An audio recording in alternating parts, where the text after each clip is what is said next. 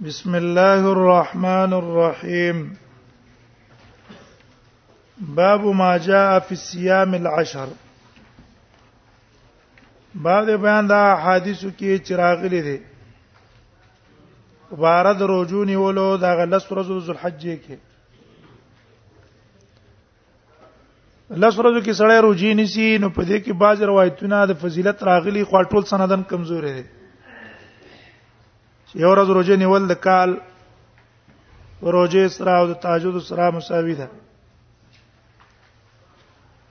بعض روایتونه کې دي رسول الله صلی الله علیه وسلم ترغیب ورکړی بعض روایتونه کې دي رسول الله صلی الله علیه وسلم روجه نه دی نیولې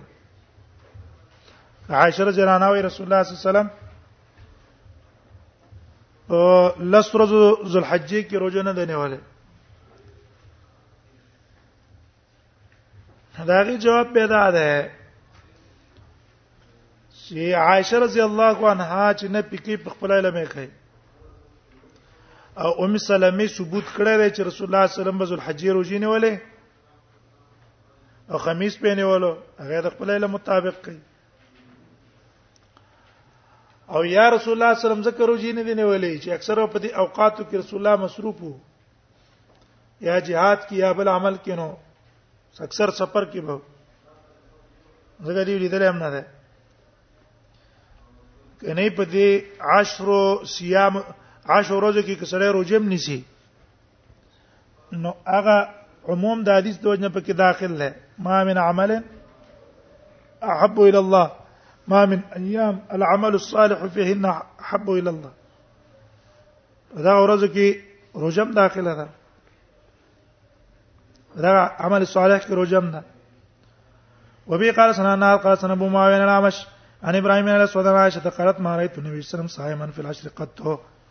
مار دې دې نبی سم روزدار په لس روزو کې څکلا نه دې دې رسول الله صلی الله علیه وسلم ترغیب ورکړه وروى الثوري هذا الحديث قال ابو سويا هكذا روى غير واحد عن الاعمش عن ابراهيم بن الاسود عن عائشه ها ورو ثوري سفيان ثوري روایت کړه نور کسانو د حدیث سن منصور ان ابراهيم مرسل نقل کړه چې ان نبی صلی الله علیه وسلم لم ير صائما شی په کنده ذکر کړه چې نبی صلی الله علیه وسلم دې لیدل شي روزدار په لس په لسور ورنو ورځو کې او رواب الاحوص منصور ان ابراهيم ابو الاحوص روایت نقل کړه د منصور نه ابراهيم نه عائشه ولم يذكر فيان الاسود هغه کې اسود نه ذکر کړه وقد اختلف ولا منصور في الحديث منصور باندې اختلاف راغله چې امر کو کړه ده چې امر سل کړه وروايه الاعمش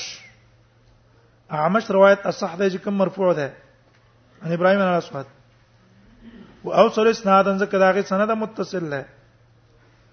قال سمعت ابو بكر محمد بن ابان يقول سمعت وكيع يقول على عمش احفظ الاسناد احفظ الاسناد ابراهيم من منصور منصور په نسبت اعمش د سند خیات ده دا غیر قول مطابق منصور خطا شوی دی هغه مرسل نقل کړی اختلاف پر راغی او عمش پر وات کی خدای نشته نو دیو نه راجح شو چې دا متصل نه باو ما جاء فی العمل فی ایام العشر باب د بیان د نیک عمل کولو په نولس ورځو کې نولس ورځو کې نیک نیک عمل کې د هغه فضیلت وبي قال سنا ناب قال سنا ابو معاويه عن الاعمش المسلم وابن ابي عمران البطين عن سعيد بن جبير عن ابن عباس قال قال رسول الله صلى الله عليه وسلم فرمى ما من ايام نشته څورځه العمل الصالح فيه نحب الى الله چې نیک عمل پکې خوخي الله تعالی ته منازل ایام دي ورځونه دی ورځونه سي الله ته ډیر خوخي العشر فقال يا رسول الله والجهاد في سبيل الله وجهاد في سبيل الله نه هم سمانه ہے په دې ورځ کې سړی صرف jihad کوي ذکر اسکار وسنه کوي ها یو تن ذکر اسکارم کوي په jihad هم سکه نه خو به غره ده کنه ول jihad فی سبیل الله یادار چې په نور اوقاتو کې jihad په نور اوقاتو کې د jihad نه په دې وخت کې نیک عمل هم غره ده د jihad نه په غیر نور نیک عمل فقال رسول الله صلی الله علیه وسلم ولا الجهاد فی سبیل الله او جهاد فی سبیل الله دې تنشي رسیدله الا رجل خرج بنفسه وماله فلم يرجع من ذلك بشيء مگر هغه سره چې وتر په خپل نفس هم او مال هم خپل مال هم لګاو ځانم شهید کو فلم يرجع من ذلك بشيء دې نه چیرې واپس نکړه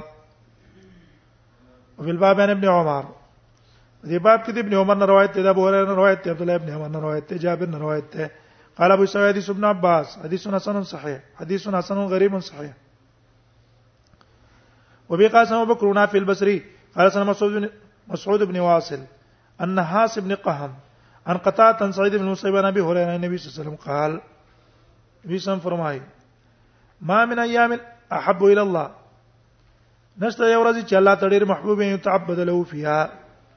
د الله عبادت دی پاکي وکړي شي من عشر ذل حج شان ته لس ورځې ذل حج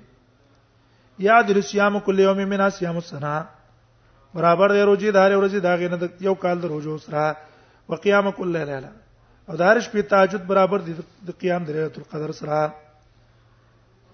بوساو یا زاری سن غریب لا نعرف الا من حدیث مسعود ابن واصل عن النحاس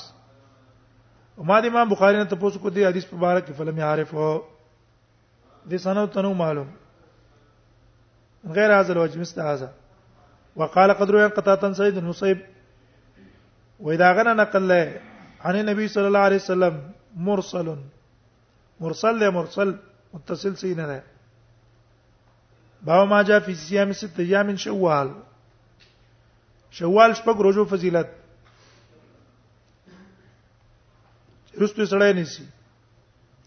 جمهور علما به دې قائل لې امام بنفا امام مالک ایته د حدیث نور څه دغه قائل لسنو استحباب نو وبه قال سن احمد بن مني قال سن ابو معاويه قال سن سعد بن سعيد انا عمر بن ثابت انا ابي ايوب قال قال رسول الله صلى الله عليه وسلم فرمای من صام رمضان اجر رمضان روزه اونیولا ثم اتبعوا بست من شوال بیا ور پس شپږ میاشتې د شوال کړې ذالک صيام الدهر اتبع معنا څه ده په دې میاش کې ور پسې ونیولې برابر خبره که مسلسلی ونیولې او که په وقفه وقفه ونیولې خو چې په دې میاش کې دنه ونیسي ذالک صيام الدهر ولې وجدا ده هر روزه د لس چنده ده کنه ده لس چنده ده نو رمضان دیر شروجی دی دا مساوی شو د چا سره لس میاشتو سره دو میاشتې پاتې شوې نو دا شپږ ورځې چې تاونی وي د هر میاشتې مقابل کې یو شو کنه درې درې د هر میاشتې مقابل کې شوې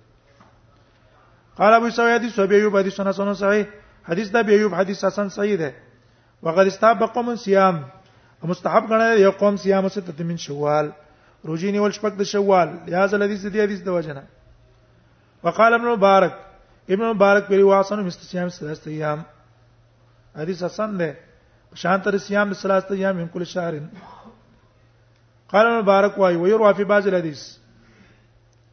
بعض حدیثونو کې نقل له ویل حق واز صيام برمضان چې دا به رمضان سره نږدې نيسي انا په دغه مېش کې به وځي کوي دیو جن مبارک دا غوړه کړل یې کو نه ست ایام نه ول شهر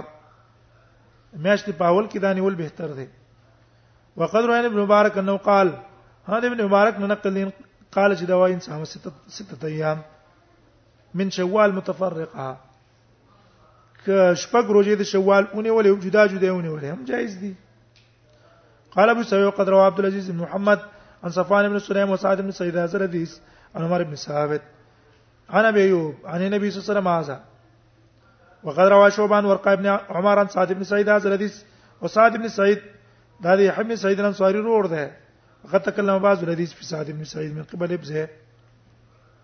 اعتبار د حفظ کې څه کړه ده